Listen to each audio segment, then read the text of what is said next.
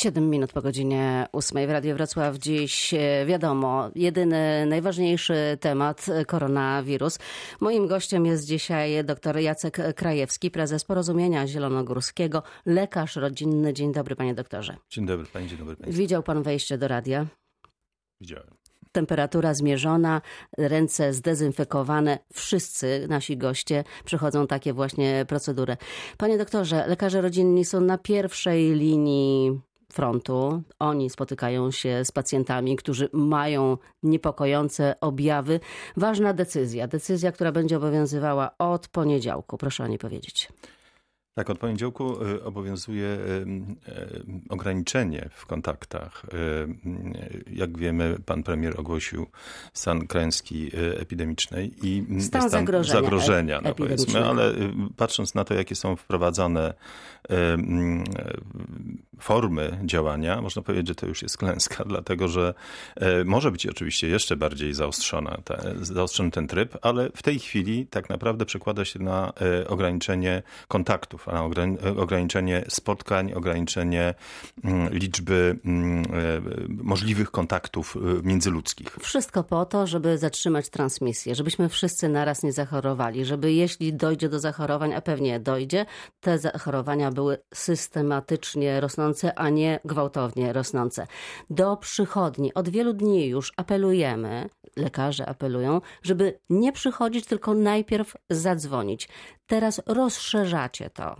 Tak, rozszerzamy, dlatego żeby y, nie przenosić, y, bo y, my jesteśmy tymi, którzy są oczywiście narażeni, tak jak to powiedzieliśmy w pierwszych zdaniach, ale jesteśmy także tymi, którzy mogą przenosić zakażenie, a to dlatego, że wielokrotnie zdarzało się już w ostatnich dniach, że pacjenci nie informują nas o kontaktach. Nie informują nas, w początkowym okresie były te schematy działania, gdzie tak naprawdę pierwszym rozstrzygającym elementem był wywiad epidemiczny. Jeżeli epidemiologiczny, jeżeli mieliśmy pacjenta, który przyjechał z zagranicy, od razu był, y, a jeszcze miał objawy, no to był od razu podejrzany o zarażenie koronawirusem. Natomiast w tej chwili, kiedy wszyscy tak naprawdę możemy być zarażeni i kiedy Polska także ma przypadki zarażeń, ma przypadki już dwa śmiertelne, jeżeli chodzi o przebieg, to mm, możemy powiedzieć, że każdy de facto z nas może tego koronawirusa mieć. I jeżeli jesteśmy tymi, którzy kontaktują się z dużą liczbą pacjentów, także infekcyjnych, to e, siłą rzeczy, pamiętając o drodze w jaki, w jaki sposób przenosi się to zarażenie kropelkowej przez kontakt, e, przez wydzieliny, to można, e, można przypuścić, że sytuacja, że lekarz albo pielęgniarka przeniesie zarażenie na pacjenta, który nie jest zarażony, a poprzednio był pacjent, który mógł mieć koronawirusa, jest bardzo prawdopodobne. Jeszcze niedawno widzieliśmy w przychodniach, na tych e, poczekalniach, na tych krzesełkach siedziało mnóstwo pacjentów czekających na wizytę. Jak to będzie wyglądało od poniedziałku?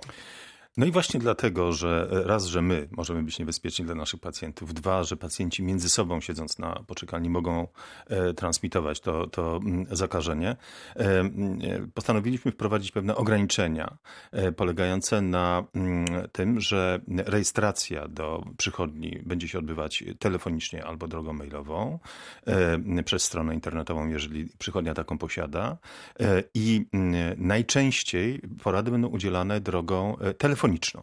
A więc e, e, teleporady, które już prawnie są e, możliwe i tylko, że mało popularne, w tej chwili wchodzą w użytek i mogą odegrać doskonałą rolę, jeżeli chodzi o właśnie ograniczenie transmisji tego zagrożenia. O tym, jak wygląda taka teleporada i jak się bada pacjenta na odległość, o tym za kilka minut, ale jeszcze chciałabym, żeby pan, panie doktorze, powiedział, czy to oznacza, że przychodnie będą zamknięte od poniedziałku?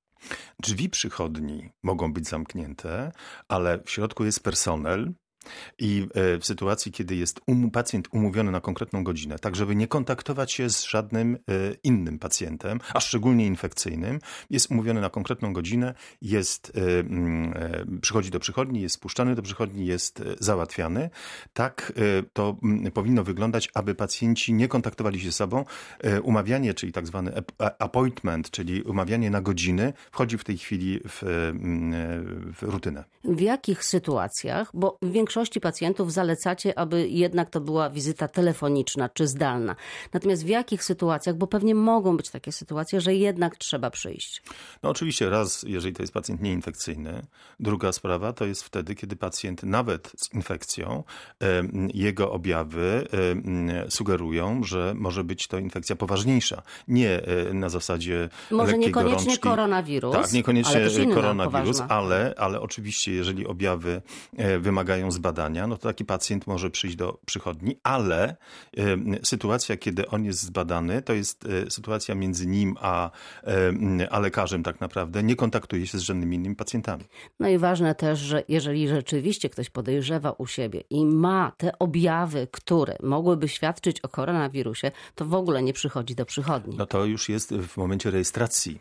Kiedy ten pacjent się rejestruje, on jest odpytywany na okoliczność tych, e, tej triady objawów, podsta- duszność, e, gorączka, e, mm, kaszel i jeżeli te objawy są, e, to mm, wtedy e, mm, pacjent jest zabezpieczony najpierw przez teleporadę, bo przecież, e, co bardzo ważne, teleporada jest e, szczególnie dla pacjentów, którzy mają do za- załatwienia pewne sprawy niekoniecznie związane z chorobą, jakie sprawy administracyjne, wypisanie recepty, e, wypisanie jakiegoś zaświadczenia. To jest kwestia wypisania recepty. Dzięki e-receptom jest teraz prostą kwestią. Podanie kodu i pacjent nie musi wcale przychodzić do przychodni. Za chwilę jeszcze o tym więcej, jak e, wyglądają teleporady w przychodniach choćby.